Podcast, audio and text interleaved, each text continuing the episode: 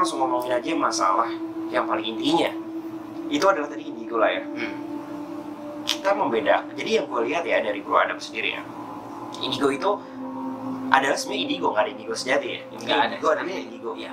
Kayak kita melibatkan pria, ya pria sejati. Sejati. Tapi ada pria yang sifatnya kecewe-cewean. Gitu loh kan istilahnya gitu. Ini. Maksudnya istilahnya tidak sejati. Nah, kalau kayak gitu pasti ada perbedaan antara indigo yang sejati dan juga yang menurut lo katanya adalah yang sensitif sebenarnya. Hmm. Yang di mana dia mengasah kemampuannya dan dia belum paham bahwa dia sebenarnya bukan indigo, hanyalah seorang sensitif aja. Iya. Oke, kita akan ngebahas itu dan kita akan membahas tentang perbedaannya. Perbedaan dari indigo dan juga sensitif. Yang pertama apa? Bisa dibilang kekuatan sih. Konsep kekuatan mereka. Kalau orang sensitif, pada umumnya mereka mencari kekuatan dengan cara mencari guru. Jadi dari guru ke guru lain ke guru lain mereka belajar dari guru. Terus eh, dan mereka melatih setiap yang diajarkan itu secara rutin. Dia salah hingga power mereka kuat. Itulah sensitif.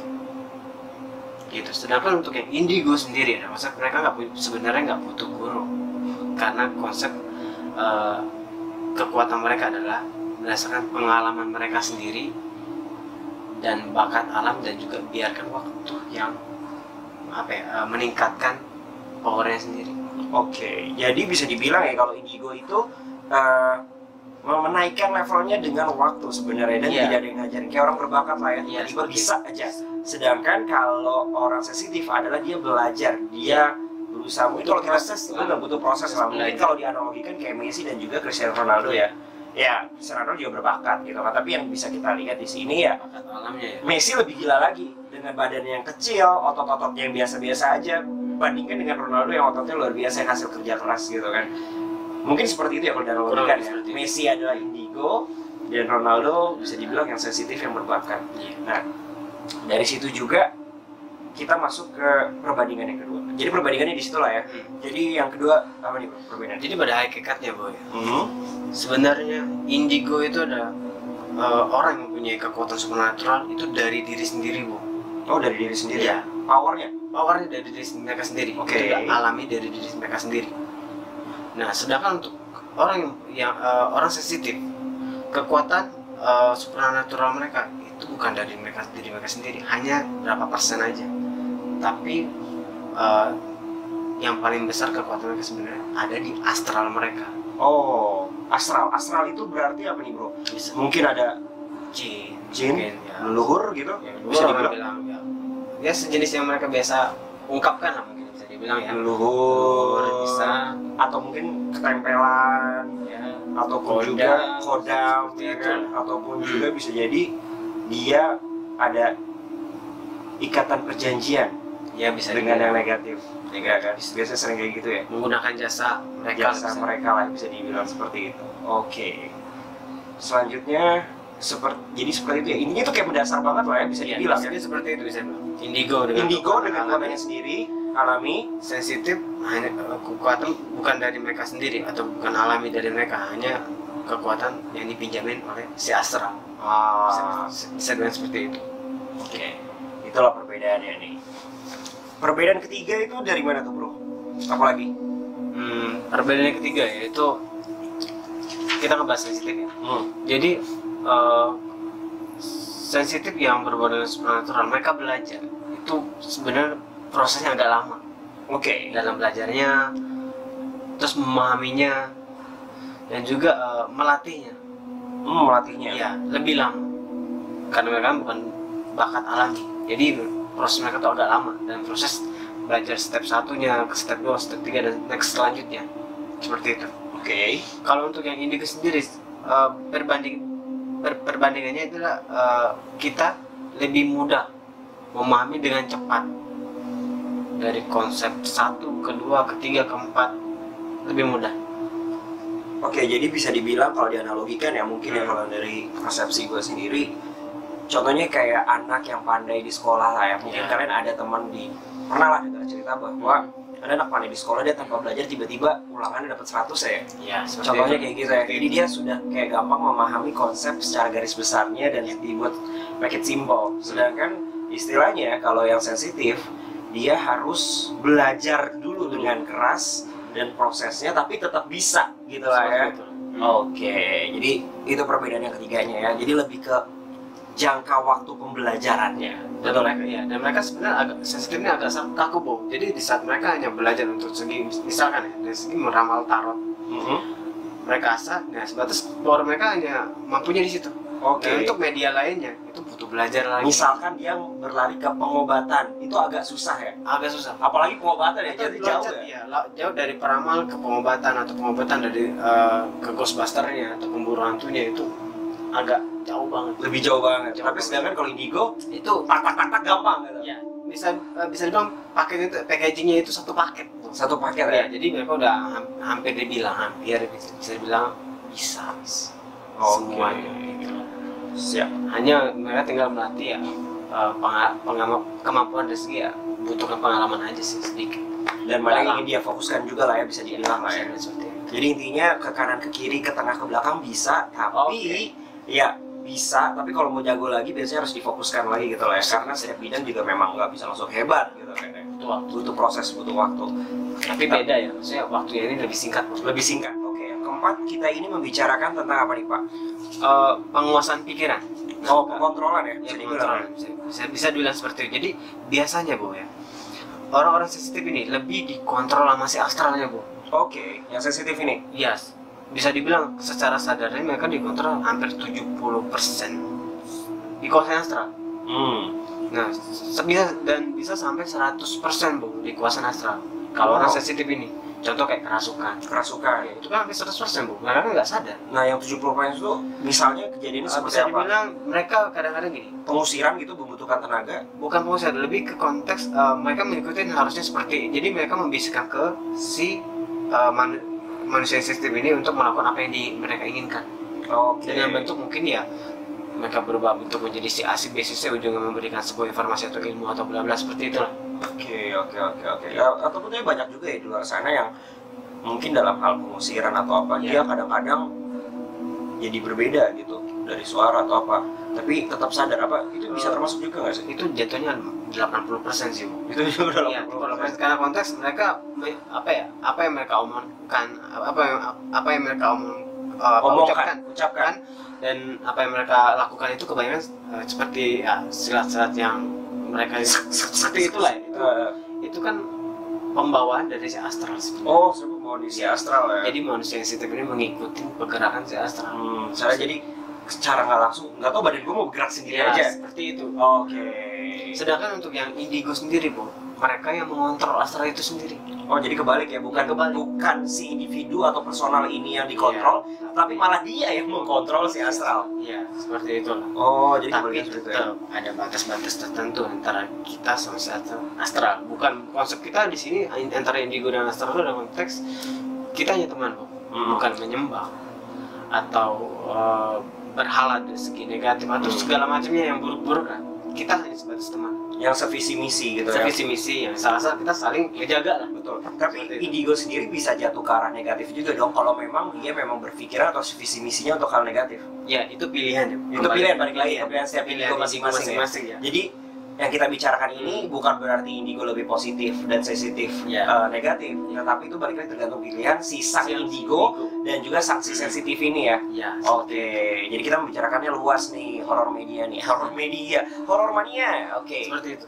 oke, jadi itulah ya pengontrolan lah ya kurang Ya, lebih. bisa ya. dibilang. Jadi bisa dibilang eh, mediumisasi kan itu juga itu sebenarnya buruk bu Buruk ya? buruk sekali bisa dibilang. Oh. makanya para pemuka pemuka agama bilang indi eh, indigo penyakit sebenarnya bukan indigo yang penyakit tapi sensitifnya orang-orang sensitif ini yang penyakit Oke, ini Kenapa? mas balik lagi masalah bahasa ya penyebutan ya. bisa dibilang seperti itu jadi bisa bilang eh, bukan indigo tapi orang-orang sensitif yang penyakit kenapa bisa dibilang itu karena mereka dikuasain si jin Oke, si jin ini ya. Ya, jadi eh, mereka masuk ke dalam tubuh si manusia dan melakukan tindakan-tindakan yang berhubungan dengan ya kemauan si jin itu, makanya disebut penyakit.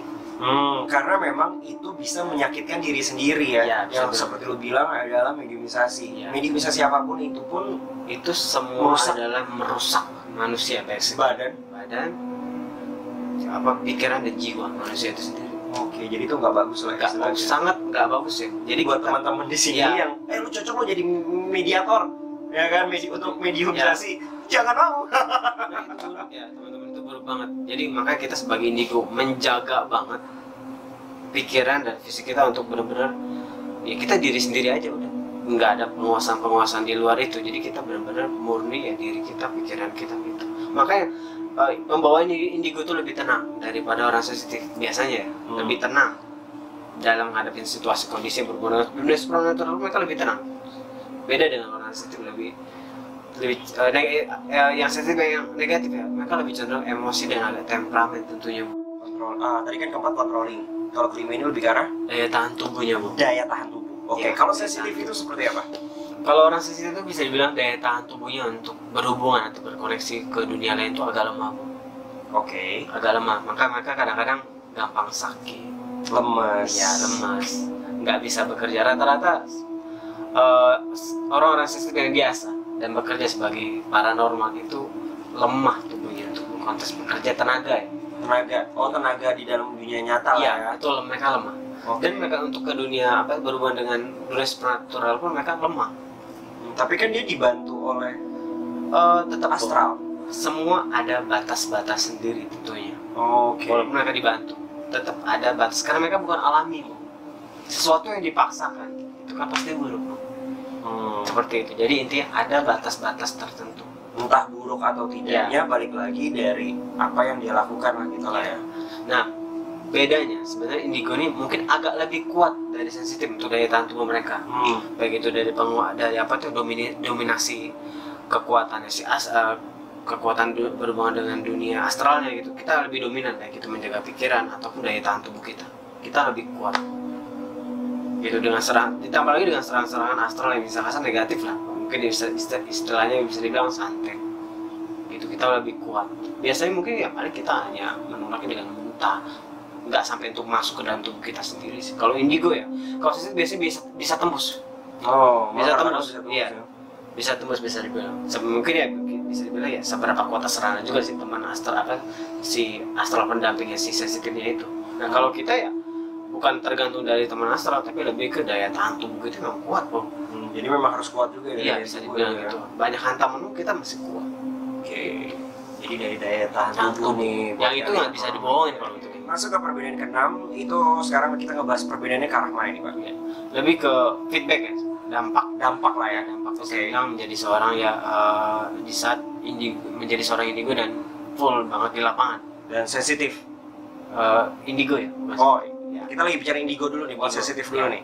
Oke, Ya. kalau indigo sendiri, bisa dibilang dalam di saat indigo full di lapangan supernatural itu ya. Hmm. baik itu pengobatan baik itu salah satu hunter atau semacam itulah baik itu juga terus termasuk meramal istilahnya kita ada konsep sebenarnya kadang dalam sebulan itu bisa dua kali terjadi atau satu kali terjadi dalam satu bulan konsultan itu kayak gimana? konsepnya itu dengan konsep kita nggak bisa istirahat fisik kita mau istirahat tapi pikiran kita nggak bisa istirahat jadi Hmm. terlalu overload terlalu over jadi di saat kita mau tidur tapi pikiran kita ke mana-mana bu Oh, bisa. tiba-tiba gue ngeliat kayak da- dalam pikiran kita tapi itu kak di saat pejam itu bener-bener kayak layar hitam putih Hmm. tiba-tiba ada yang seperti kelihatan ada yang lagi nge-gym ada yang lagi belanja bawa tentengnya jadi kita ngebaca s- apa ya frekuensi apa pun yang ada di sekitar kita Tapi secara nggak langsung sebenarnya yang sensitif pun juga bisa merasakan Oh, seperti itu. Sebenarnya kalau itu bukan bukan merasakan itu jatuhnya kita konslet kita kita nggak bisa meng- mengontrol sebenarnya lebih. Oke. Nah, jadi istilah itu kasar bisa menetralkan itu nggak tapi? eh, kita butuh waktu sebenarnya. Semalaman itu kita butuh waktu. Jadi istilahnya ya udah nikmatin aja ya, lah. seperti itu bisa dibilang. Ya udah Nikmati nikmatin konsletnya. aja lah. Ini konsertnya nikmatin Ya, aja gitu ya. Terutama lagi capek besok harus masuk kerja lagi konser Nah, keluar hidup ya. Seperti itu ya. Oke, nah kalau dari sensitif sendiri, sensitif sendiri dari feedback atau dampaknya ada nggak sih? Sebenarnya lebih ke tubuh mereka, lebih ke tubuh fisik mereka yang, yang makin hari makin eh, daya tahan tubuh mereka lebih berkurang. Hmm, Tapi gue pernah dengar cerita juga ada teman gue entah sensitif entah Iya. indigo ya. Dia lebih ke narot lah ya bisa dibilang ya kan meramal dia kadang-kadang juga mengalami konteks yang seperti itu bro yang lo ceritain kadang-kadang terlalu too much-nya dia ngeramal gitu kan akhirnya jadi kayak gitu kayak pikiran ke mana-mana ah kayak gitu banyak gambaran gitu kan. Akhirnya dia netralisasi dengan yoga lah dengan apa. Kalau gitu. mereka sih gua anggap sebagai pemikiran mereka ya. Terlalu ngerti ya. Tapi kalau kita beda. Benar-benar yang boleh rasa kita seperti apa ya pikiran kita terlalu over bekerja secara memaksa.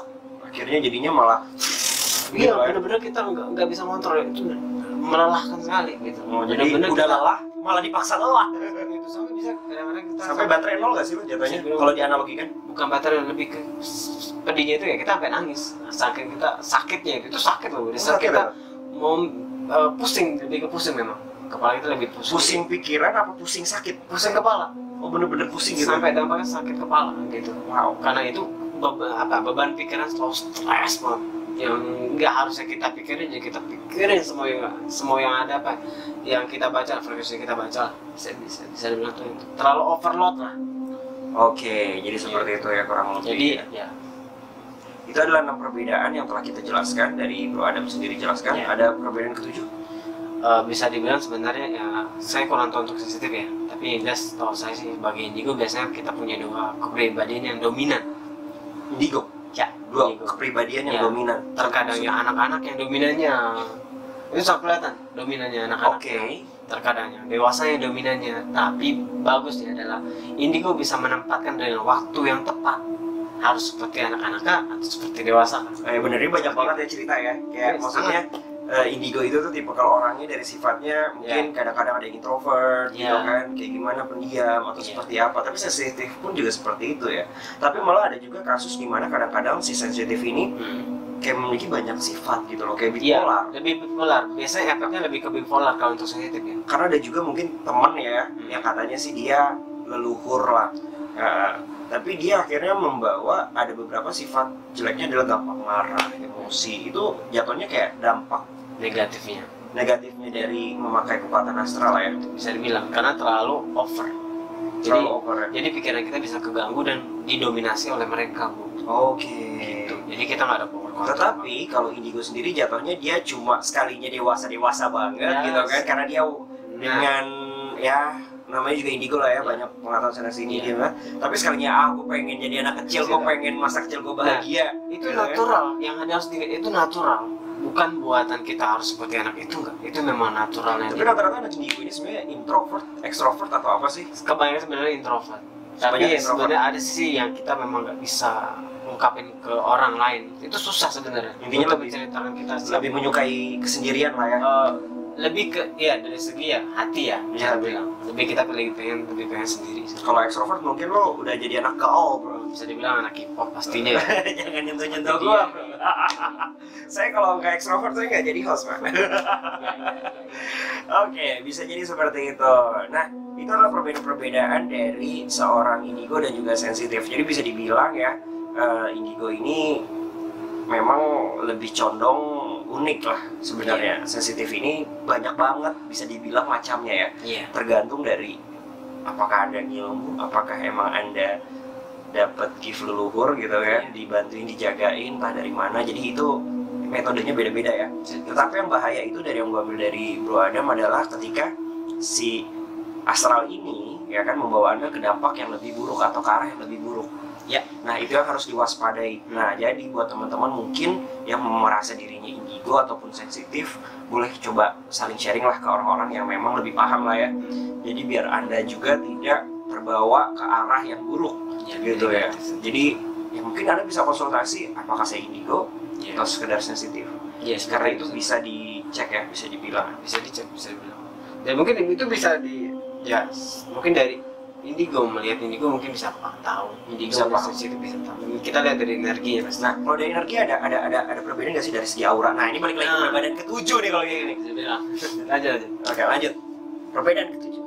Tadi kita lagi ngomongin soal masalah energi. Tiba-tiba nggak ada nih sebenarnya, tapi Ya. eh, kepikiran lah. ya kepikiran. Kepikiran lah ya. Jadi masalah energi mungkin biasanya orang yang sensitif bisa melihat aura seseorang biasanya kan. Yang di mana dia itu adalah orang yang sensitif juga ataupun ada orang indigo juga ada yang bilang katanya indigo. Hmm. kelihatan ada mata tiganya ada ada mata ketiga lah istilahnya kan tadi dahi entah di sini entah di belakang. Tuh gue sering banget tuh banyak cerita kayak gitu kan. Nah dia adalah yang mengaku dia seorang indigo seperti itu. Jadi kalau sesama indigo katanya bisa melihat kayak gitu oh ini indigo nih gitu kan. Malah ada kasus di mana tiba-tiba kok dia bisa merasakan hal spiritual tapi gue nggak ngeliat matanya ada di mana di belakang juga nggak ada di mana nggak ada kok bisa gitu kan. Nah tadinya ini masih ada tanda kutip tanda tanya gitu kan. Apakah yang salah persepsi dia? Nah kan setiap orang persepsinya beda-beda ya. Di sini kita juga tidak. Bro Adam juga tidak. Mengatakan apa ya, bahwa saya mengatakan lu seluruhnya benar ya. seluruhnya ya karena ini adalah sesuai dengan pengalaman lu. Iya. nah kalau dari pengalaman lu sendiri sebenarnya ada perbedaan gak sih? Se- sebenarnya gini dari kalau indigo dulu deh indigo melihat indigo. Nah bisa dibilang gini saya eh, meluruskan aja sebenarnya mata oh ada mata di sini sebenarnya bukan mata lebih ke penglihatan sebenarnya. Bukan setiap indigo itu ada matanya di sini di sini di sini. Bukan seperti itu bu. Jadi kasar. Lebih ke mata batu adalah penglihatan kebatinannya. Hmm. tapi bukan dari konsep mata ya tapi dari konsep pikiran sebenarnya. Tapi beda lagi dengan mata melihat. Nanti kita bahas untuk sistem berikutnya untuk mata melihat ya. oke mantap karena melihat itu ya. ada proses waktu. Nah terus eh, kita dari indigo sebenarnya mempunyai eh, ketahuannya dari energi mereka jadi kita bisa membedakan ada energi ini alami dari manusia itu sendiri atau energi ini campuran dari makhluk astralnya oh berasa lah ya Nah, itu bisa dilihat bro. Gitu, kita bisa melihat kalau dia full energi dia dari diri mereka sendiri dengan konteks yang bukan eh, kekuatan bukan manusia biasa, kita paham itu indigo. Hmm. Tapi kalau itu kasarnya bukan ke eh, energinya kuat, tapi bukan energi manusianya, itu kelihatan. Oh jadi kayak dibantu gitu Iya. lah ya. Dan dan setahu saya sih emang indigo itu punya banyak warna sebenarnya, bukan cuma ungu, hmm. banyak warna. Tapi memang dominannya ada ungu, Hmm, hmm, dominannya. itulah warna spiritual Ada nah hijau. Hmm. itu dari segi energi ya. Bukan aura lah bukan Bukan, kelihatan aura iya. lah bisa dibilang energi. Jadi berasa lah. Iya. ngerasain energinya ini Iya, energi dalam diri sendiri atau dari yang lain. Ya bisa. Dan tadi itu kita sempat ngobrol-ngobrol lagi dan nemu ya kan itu adalah sebuah pantangan. Gue tadi nanya-nanya aja sih biasa ke Bro Adam gitu kan di luar segmen ini gitu kan. Ada pantangannya nggak sih seorang indigo? Karena mungkin ya kalau kalian tahu ya ya kan? Untuk yang sensitif yang dikendalikan apalagi terutama yang lebih ke negatif ya ya kan? Yang dibantu oleh astral yang lebih negatif biasanya mereka ada pantangan-pantangan tersendiri gitu kan? Ya contohnya mungkin dilarang makan sate tanpa tusuknya eh dengan tusuknya ataupun kayak mungkin yang banyak banget nih eh, ahli urut yang katanya bisa membengkokkan meluruskan gitu kan ya atau apa dia nggak boleh namanya eh, mematahkan ranting lah istilahnya seperti itu. Dan lain-lainnya lah banyak apalagi terutama yang pakai susuk dan lain-lain gitu kan. Nah kalau itu ada perbedaannya sendiri ya sih indigo dan juga yang sensitif ini? Eh, menurut pengalaman saya bu ya, untuk indigo itu sendiri sebenarnya hampir hampir hampir nggak punya pantangan sih. Karena kita berfokus pada kekuatan kita sendiri gitu. Loh ya, kecuali lu punya penyakit lah ya. Nah. kolesterol tinggi ya pantangan lu adalah lu nggak boleh makan daging nah. kambing. Bukan karena lu Karena itu. tinggi, iya, Ya, bukan karena lu emang Iya. memiliki il apa terus kekuatan lu hilang enggak karena emang lu menjaga kesehatan lu. Ya, bisa dibilang. Kecuali sensitif memang iya banyak pantangan. Karena kekuatan mereka itu dari si astral.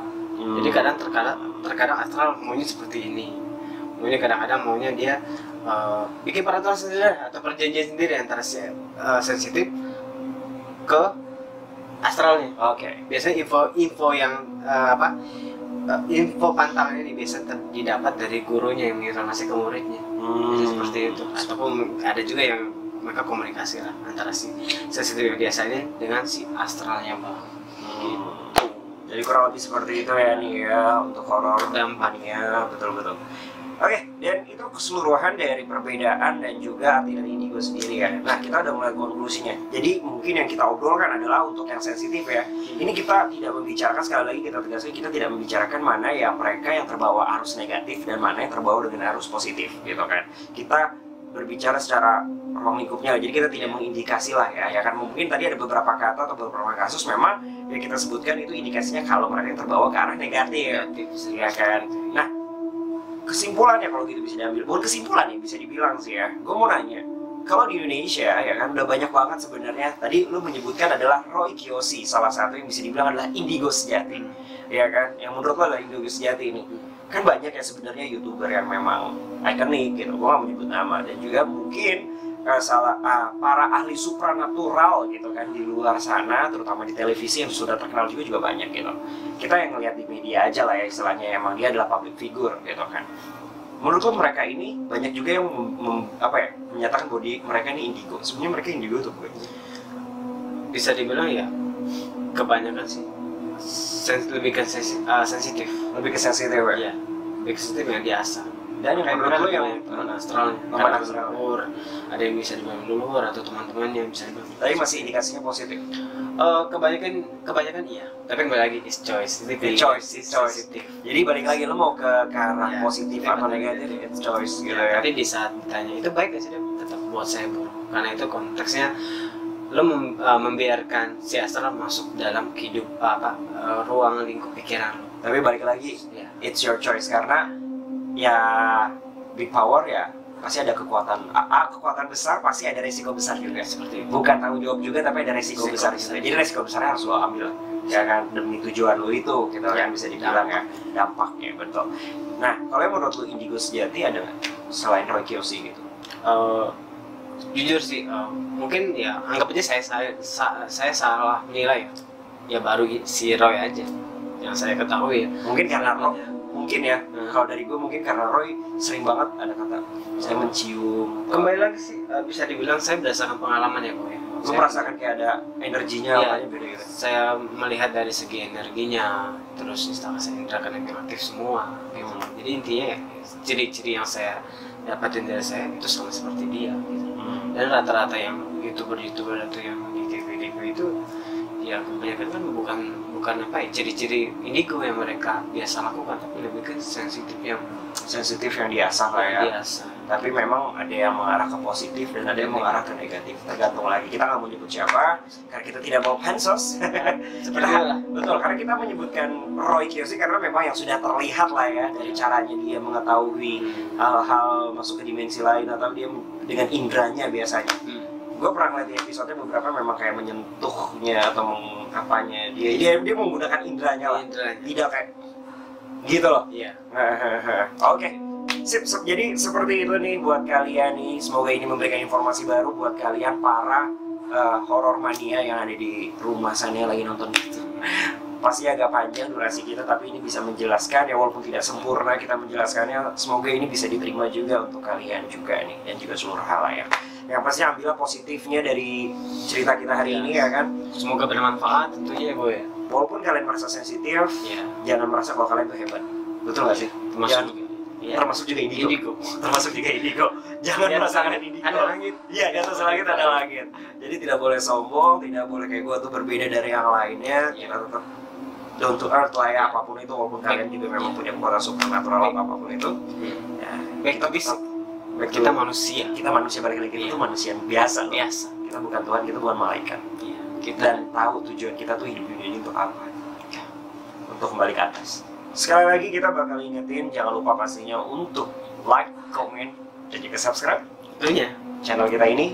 Di dimensi dan pastinya juga nih aku ingetin sekali lagi untuk share ke teman-teman kalian dan support pastinya channel baru kita ini. Karena tanpa support kalian kita bukanlah siapa-siapa. Kalau kayak gitu gue Bo gua ada Lucis terima kasih telah menemani kita di dimensi horor pastinya dimensi horor dimensi yang penuh dengan misteri. Sampai jumpa